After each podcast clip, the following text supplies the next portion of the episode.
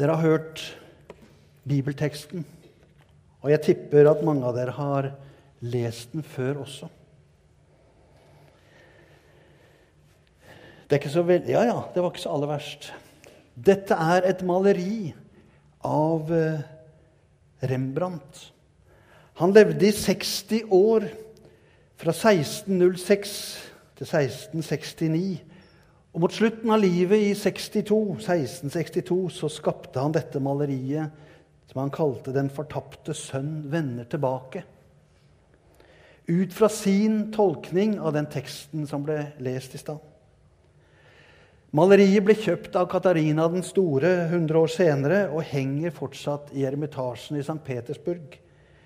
Det er 2,5 meter høyt og 2 meter bredt.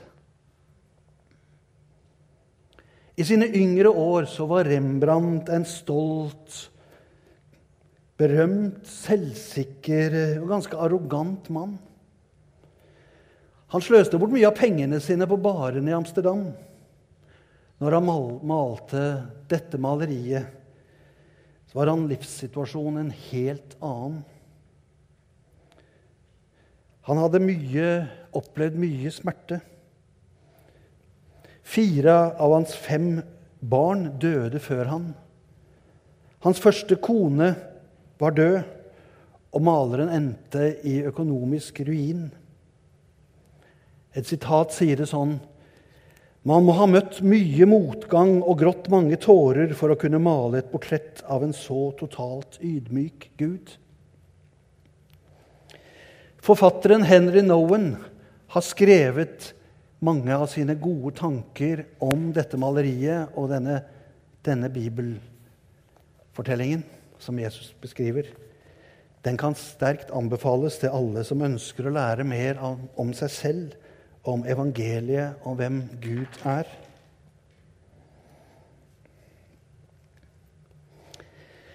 Rundt årtusenårsskiftet så dro jeg på min første stille retreat til Lia gård oppe i Østerdalen.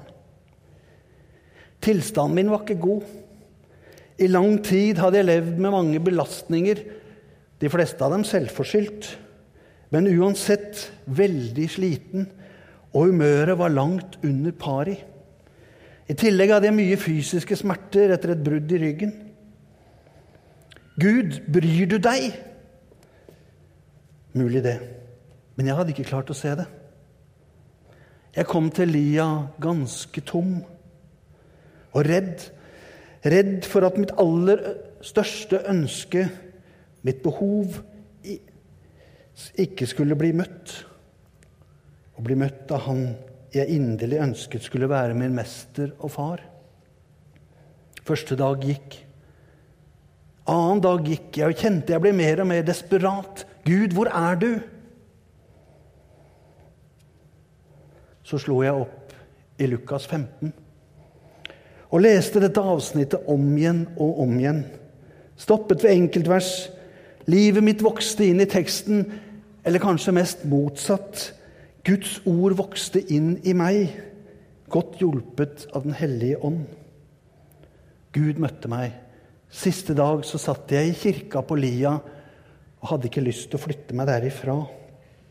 Det eneste som betydde noe, var å være nær Gud, min far. Denne erfaringen har jeg hatt med meg siden. Ikke alltid lett å hente fram sånn i travelheten, men iallfall noe av det. Opp, sitt ned, mitt barn. La meg holde om deg og være på ditt fang. Et opphold på lia kan anbefales. Når Jesus og Gud har gitt oss sitt ord, så er det fordi det skal påvirke oss. Ikke bare bli noen meninger opp mellom ørene. Derfor fikk vi også denne fortellingen. En mann hadde to sønner. Den yngste sa til faren, 'Far, gi meg deler av formuen, den delen som faller på meg.' Han ba om farsarven mens faren levde. På det tidspunkt så betydde det 'Far, jeg ønsker deg død'. Ikke mange dager etter solgte den yngste sønnen alt sitt og dro langt, langt bort. Han forlot sitt opphav, sin kultur, sin familie, sin identitet, sin verdighet. Han brøt helt med hva faren og familien og troen betydde, og dro til et land langt borte. Og det endte med at han passet svinene, som for ham var urenheten selv. Han hadde mistet alt kontakt med det som ga liv. Mer nedverdigelse, skam og ensomhet gikk det nok ikke an for en jøde å komme. Da kom han til seg selv. Hvor mange leiekarer hjemme hos min far har ikke mat i overflod, mens jeg går her og sulter i hjel? Jeg vil bryte opp og gå til min far og si, Far, jeg har syndet mot himmelen og mot deg. Jeg fortjener ikke lenger å være sønnen din, men la meg være som en av leiekarene. Så brøt han opp. Da kom han til seg selv. Langt der inne hadde han ikke glemt hvem han egentlig tilhørte så fikk han en sånn aha-opplevelse. Men han kunne ha stoppet med det og bare forstått. Han kunne ha sagt til seg selv det er for sent. Jeg kan ikke dra tilbake. Jeg må være her hos grisene til jeg dør. Jeg er låst. Endring er ikke mulig. Mange tenker sånn. Endring er ikke mulig. I min jobb, jeg er psykiater, så snakker jeg med mange mennesker som sier og tenker det er ikke mulig. Kanskje noen her har tenkt tanken en gang eller tre. Heldigvis så kom han til seg selv. Han så livet i et perspektiv. Han løftet blikket opp fra grisene og så hvordan har vært livet vært før? Hvordan er det nå? Hvordan kan det kanskje bli? Så gjorde han noe helt avgjørende. Han lot tanken bli til handling. Ut fra sin motivasjon for endring tok han beslutningen. Bestemte seg for å bruke sine krefter og gå hjem. Hva tenkte han der han sårbeint og skabbete og griseluktende, skritt for skritt, veldig sliten, med masse dårlig samvittighet, nærmet seg farshuset? Har jeg egentlig noe hjem, da? Men han kaster meg ut. Skjeller meg ut. Du dårlige sønn. På tross av sønnens tvil, på tross av hans skam og nedverdigelse, så gikk han skritt for skritt. Mot det stedet han lengtet mest til, men samtidig fryktet. Han satset på at faren fortsatt var der. Men hva ville han egentlig bli møtt med? Du usle sønn, du som skuffet, du uten håp. Hvor mange barn hører ikke akkurat det? Fra foreldre, lærere eller andre. Hva, hva gjør ikke det med oss, da? Å bli fordømt? Selv om vi fortjener det. Og hvor lett er det ikke å si sånn til seg sjøl? Fordømme seg sjøl? Jeg vet det. På hjemveien øvet han seg. Øvet seg på bekjennelsen. Øvet seg på å si 'far'. Min far. Kanskje vi kan lære noe av hans øvelse? Hva hadde han ellers å gi til sin far enn erkjennelsen og bekjennelsen om sitt liv? Og så ser vi et paradoks i teksten. Han vet at han fortsatt er sønnen som sier til seg selv at han ikke lenger er verdig til å være det. Han kaller Gud sin far, og samtidig øver han seg på å si 'Jeg vil være din leiekar' din arbeider.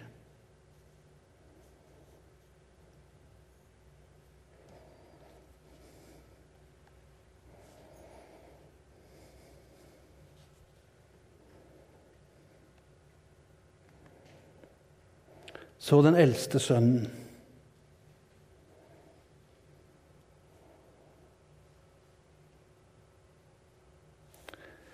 Når den yngste kom hjem, så ser vi hvordan han reagerte. Han ble sint. Han ville ikke gå inn. Han svarte faren, 'Her har jeg tjent deg i alle år, og aldri har jeg gjort imot ditt bud.' 'Men meg har du ikke engang gitt så mye som et lite kje, så jeg kunne holde fest.' Men straks denne sønnen din kommer hjem, han som har sløst bort alle penga dine, da lager du fest. Hvilke stikkord skal vi gi den eldste sønnen? Pliktoppfyllende? Ja. Ansvarsfull? Ja. Aldri har jeg sagt imot deg. Det var hans beskrivelse av seg selv. Aldri gjort noe synlig galt. Han var målbevisst, jobbet lange dager i sin fars vingård. Kanskje noen som kjenner seg igjen? Slik hadde han vært. Snill og uten protester. Det han hadde blitt lei seg for, for det var nok noe underveis, det hadde han bare putta inn i en sånn boks langt her inne. Ikke ut på faren, som han konstant ville please. Men helt uten forvarsel så skjedde det noe som rystet denne mannen av hans rettferdighetssans. Broren kom hjem. Og den eldste sønnen fikk raskt erkjenne noen av sine tanker og følelser i møte med farens behandling av denne lillebroren. Da kom det ut det som trykkokeren var full av. Sårethet, frustrasjon, sinne, misunnelse. Da ble han sint og ville ikke gå inn. Meg har du ikke gitt så mye som et kje. Jeg har aldri fått moret meg. Jeg har bare jobba, jeg.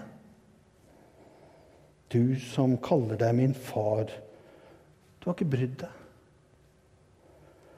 Du er bare min oppdragsgiver, du. En kravstor arbeidsgiver. Den eldste sønnen hadde ikke bare gått seg bort. Han hadde aldri vært ordentlig hjemme. Han hadde bare levd på en arbeidsplass. Han ville ikke engang anerkjenne sin bror og det livet han hadde levd, når han sier 'denne sønnen din' til faren. Da avviser han samtidig sin egen far som far. Han hadde fysisk bodd hjemme, tilhørt familien, tilhørt menigheten, gått på møte, lagt ansiktet i de rette folder. Men var vel egentlig minst like bortkommen som lillebroren. Han hadde sett på faren som streng, som krevde mer enn han ga, som mer sjef enn far, og underordnet seg, gjort det han trodde var farens vilje. Men hadde han spurt ham? Hadde han spurt om et dyr som han kunne slakte for å få fest med sine venner? Det virker ikke som han hadde forstått. At alt faktisk tilhørte han. Det var jo hans arv, alt sammen. Det virket ikke som relasjonen og kommunikasjonen mellom dem hadde vært noe særlig. Jeg har jo fundert på at det er faktisk begges ansvar.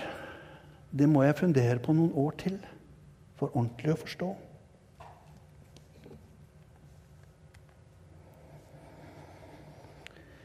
Ser du avstanden og mørket som er mellom den eldste sønnen og faren i Rembrandts maleri? Lyset i den eldste sønnen brer seg ikke ut sånn som lyset fra far gjør. Den eldste sønnen, som i det ytre hadde vært hjemme og lydig utført det som han trodde var farens ønske Ytre sett var han den perfekte sønn og sikkert menighetsdeltaker. Men inni seg var han bebreidende sint og bitter på faren og på livet. Stadig mer ulykkelig og ufri, langt borte fra faren, langt hjemmefra. Kanskje oppdaget han nå for første gang at faren hadde et bløtt hjerte når han så farens reaksjon på lillebrorens hjemkomst. Ble han misunnelig? Ganske sikkert. Ble han skuffet og sint? Ja, det er vanlige reaksjoner på misunnelse. Faren går ut til han også og trygler han 'kom hjem'.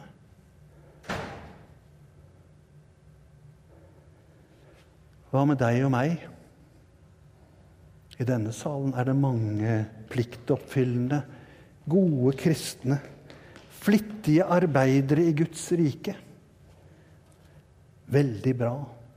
Gud gleder seg over hver en arbeider. Og Jesus ba om det. Men er Gud arbeidsgiver eller din alltid nådige far? Har din Gud betinget eller ubetinget kjærlighet? Ja, ikke sånn i dine fine teorier hvis du skal legge fram noe, sånn som jeg gjør nå. Nei, men sånn ordentlig her inne, i hverdagen. Hvem er Gud da? Kjenner vi arven Gud har gitt oss som sine barn?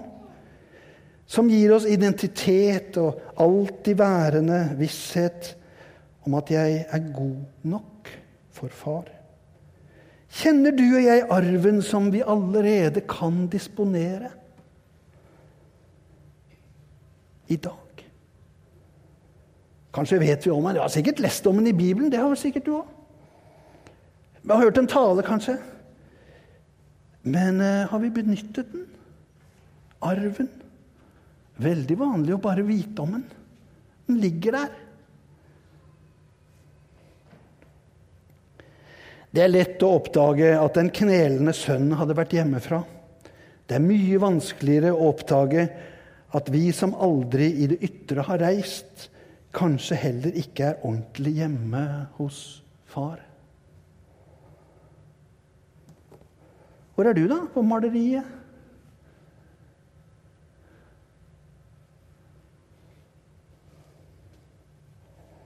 Vi er fri.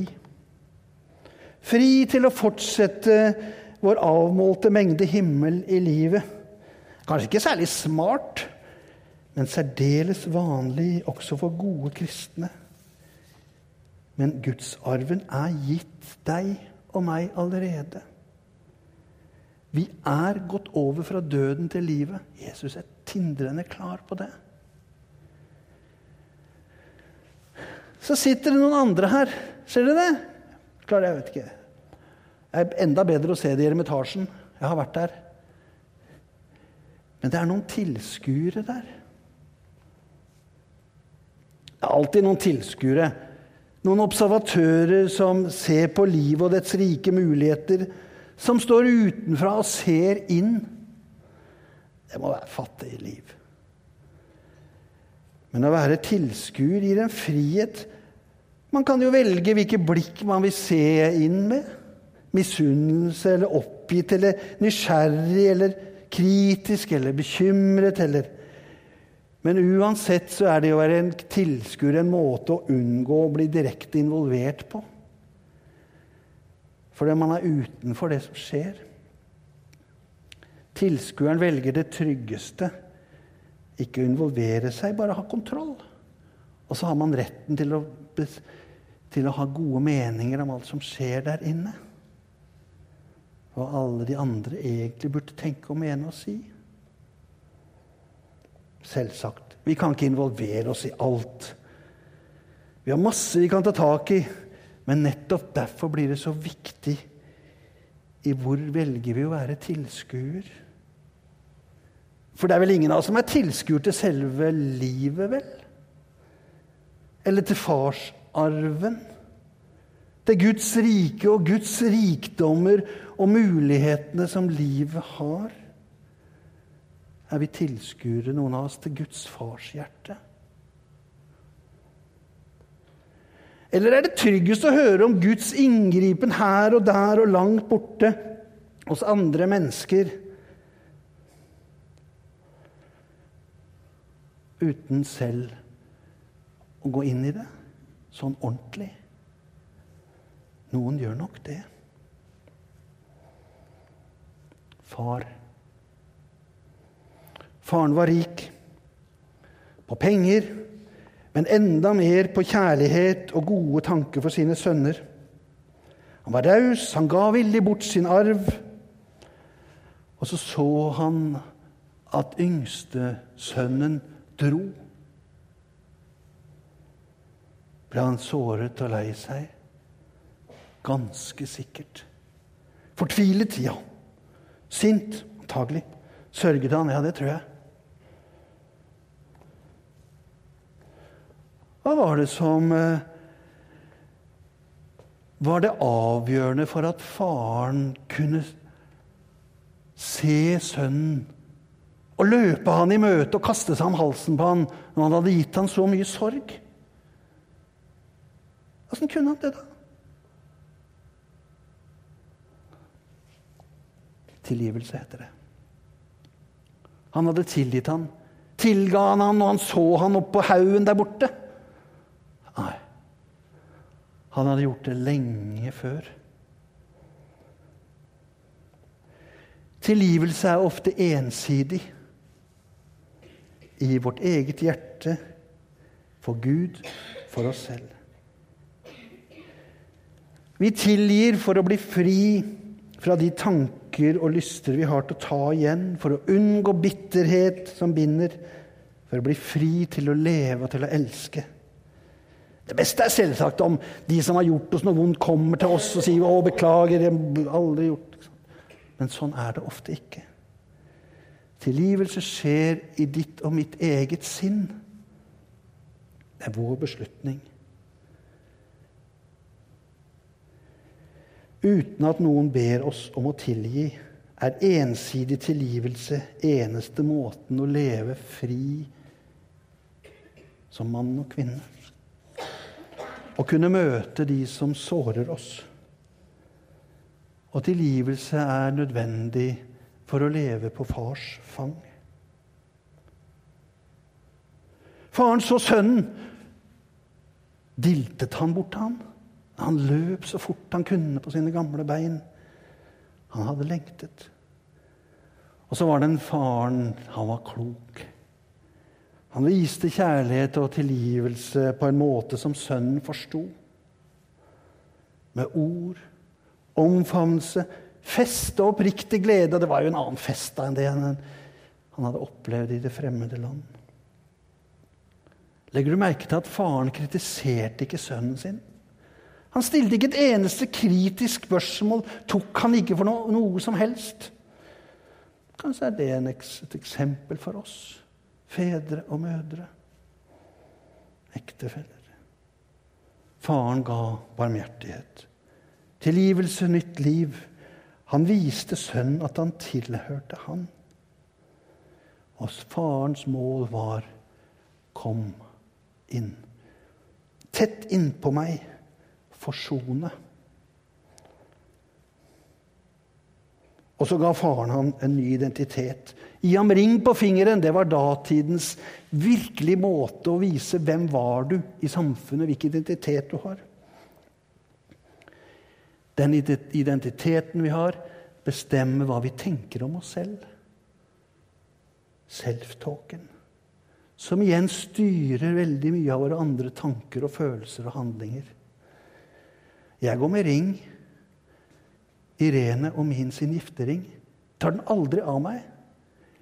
Og det er en viktig identitet for meg. For meg selv og for andre kan se.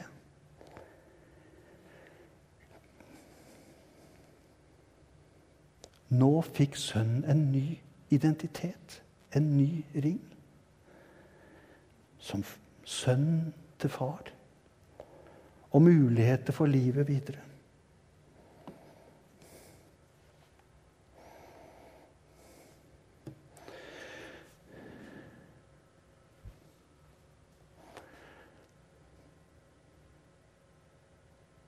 Her ser vi beskrivelsen.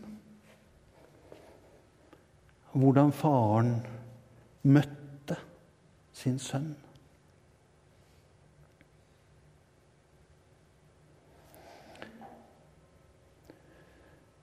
Så står det noe om hvordan han møtte den eldste. Faren kom ut til den eldste sønnen straks at han forsto at han var der.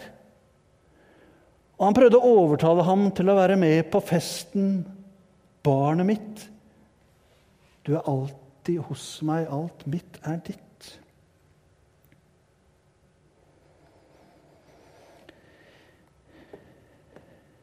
De harde og bitre bebreidelsene til sønnen ble ikke møtt med fordømmende ord. Ingen beskyldninger eller anklager tilbake fra faren på han heller. Og faren forsvarte seg ikke. Han kom kommenterte ikke engang sønnens dårlige oppførsel.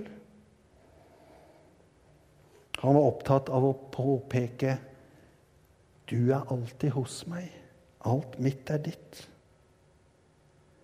Begge sønnene trengte tilgivelse og helbredelse. Begge trengte å komme hjem. Begge trengte å få være sønner, barn, bli omfavnet av den kjærlige, nådige far. Begge trengte å forstå og erfare farens omsorg og retningsgivende kjærlighet. Begge trengte farens nåde og sannhet. Alle vi barn trenger det. Både bibelteksten og maleriet viser oss at det var vanskeligst for den eldste sønnen å komme hjem. Han som trodde han hadde vært hjemme hele tiden. I denne fortellingen, som i mange andre, beskriver Jesus hvordan Gud leter leter etter oss. Slik er Gud, vår far. Han leter etter de som er langt borte, og for de som er hjemme, på et vis. Som er i menigheten, og som nok vet at Gud tilgir og er kjærlig. Men som innerst inne lever mye på den forståelsen av at Gud er nok ganske sånn tilmålt, kanskje. Jeg må jo være vellykket. Eller som tenker på seg selv mest som tjeneren. Det var en som sa 'Jeg kaller dere ikke lenger tjenere, men venner'. Husker dere det?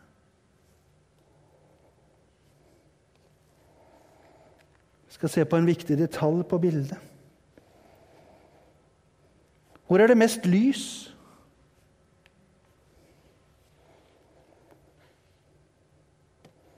det er på at faren holder sine hender på den yngste sønnen. Se på farens venstre hånd. Den er kraftig, holder om sønnen, og tommelen presser liksom litt godt ned, som å holde han fast. Jeg holder deg fast, trekker ham inntil seg.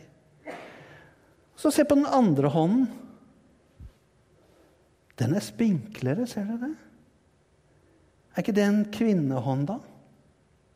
som ligger trygt på sønnens rygg som tegn på trøst og omsorg. Slik er Gud, vår far, som skapte både mann og kvinne til å ligne seg. Bibelen har mange beskrivelser av Gud som både mor og far. Det er fanget vi inviteres til.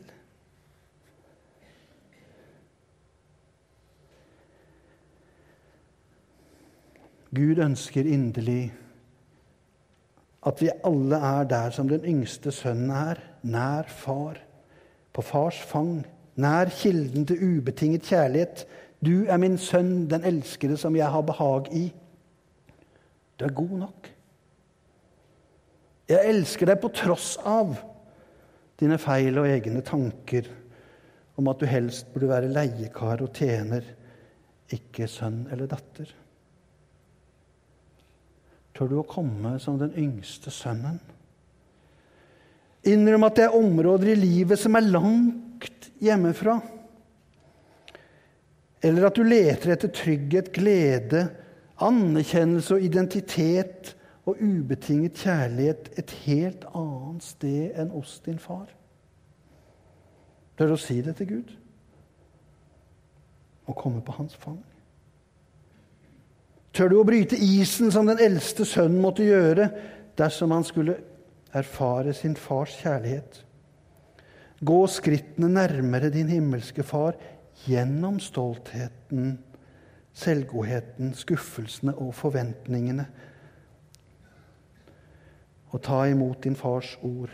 Du er min kjære sønn, min kjære datter, som jeg har behag i. Alt mitt er ditt. Gud lengter etter å være også din far. Ikke bare alle de andres.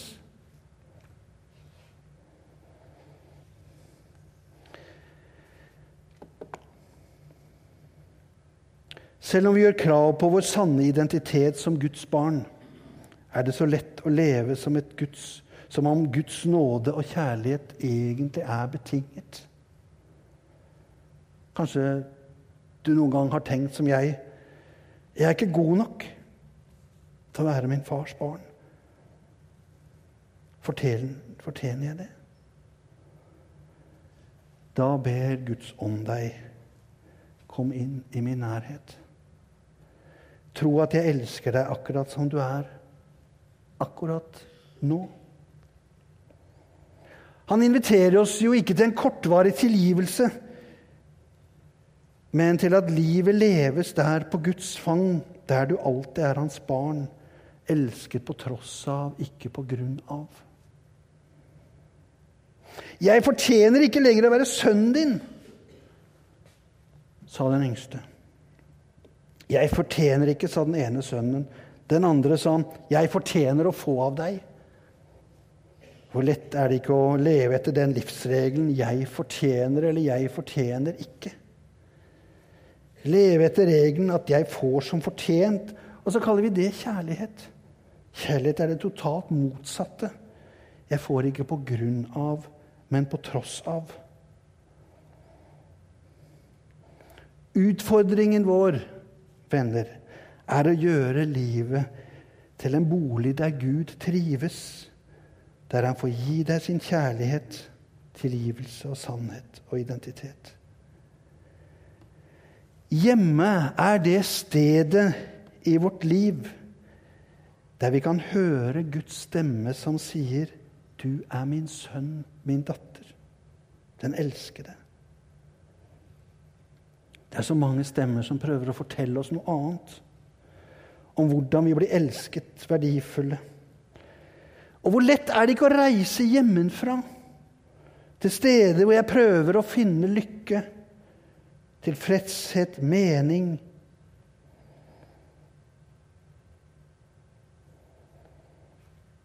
Et annet sted enn det eneste stedet hvor vi kan finne vår dypeste identitet, anerkjennelse.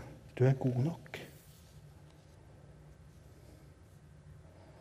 Svært mange mennesker lever med en daglig uro, også kristne.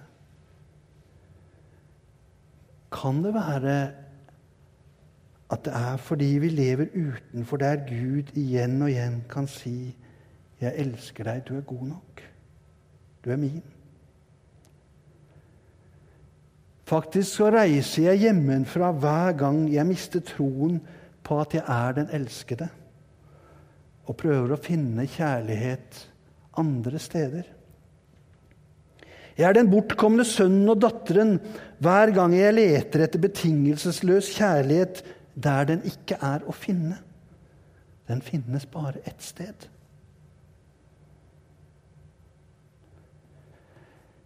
Hva trenger den eldste sønnen for å komme hjem til sin far. For å komme hjem til sin far. Sannhet, tillit, takknemlighet.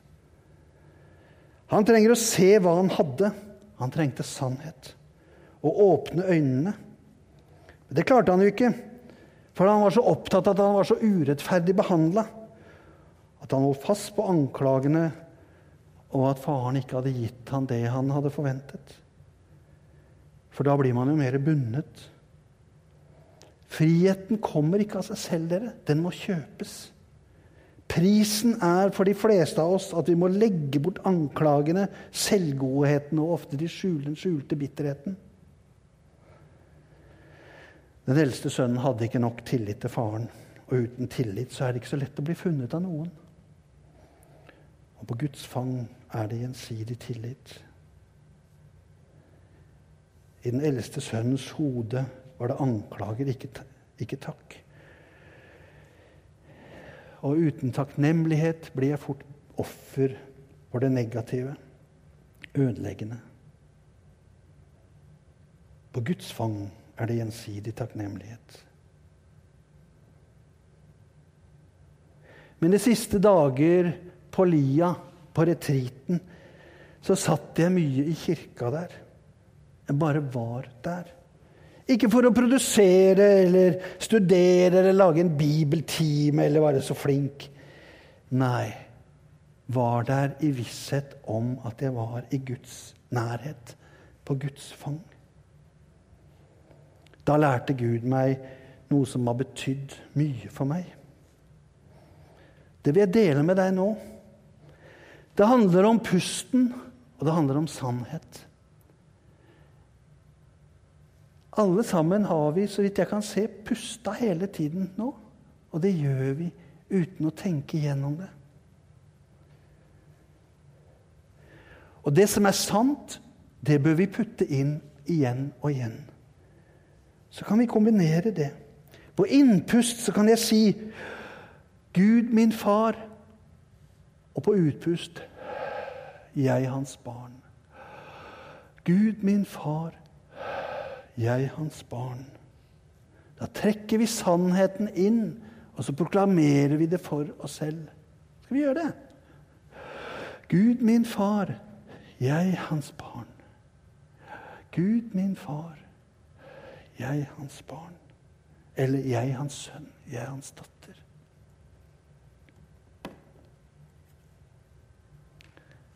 Det kan være smart å øve seg på.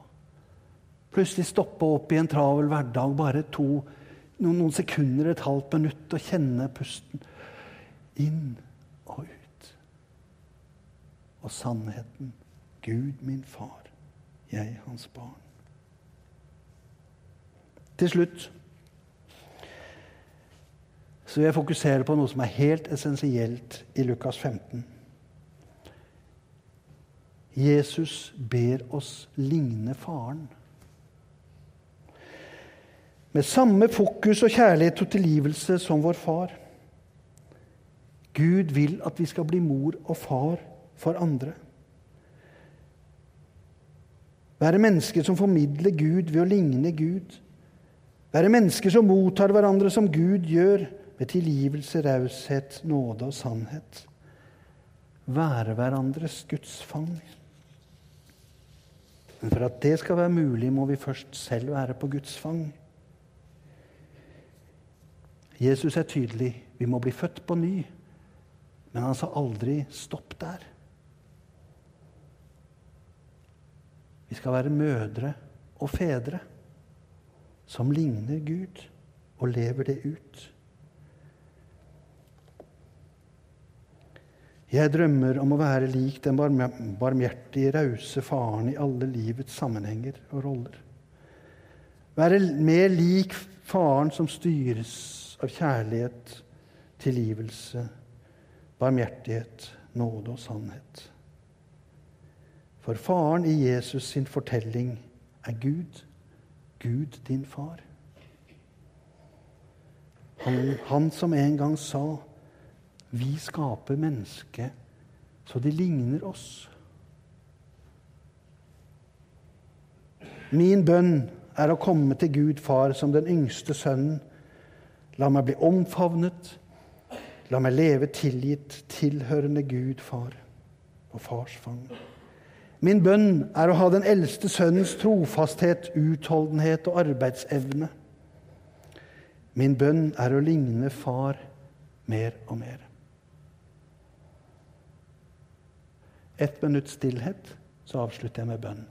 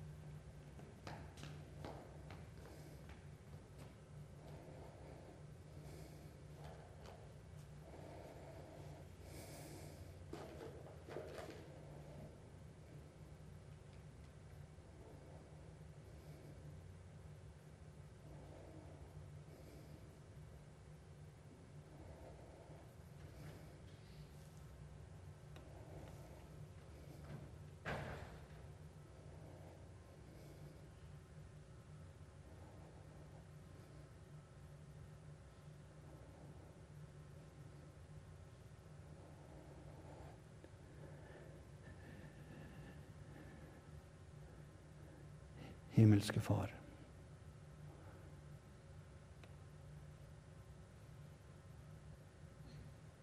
Takk at du har forsonet oss med deg selv gjennom Jesus.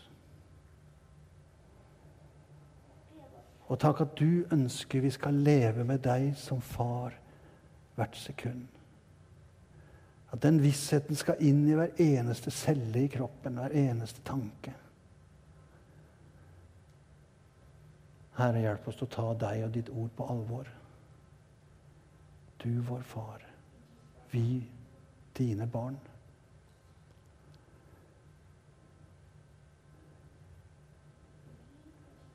Herre, hjelp oss til å tørre å ha deg som far og legge bort så mye av det, andre, av det andre som forstyrrer vårt selvbilde og våre tanker. og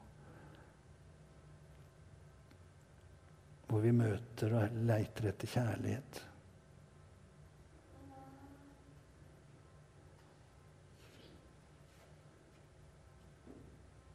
Herre, vi takker deg for at vi kan komme til deg akkurat som den vi er. Akkurat nå og hver dag. Priser deg. Amen.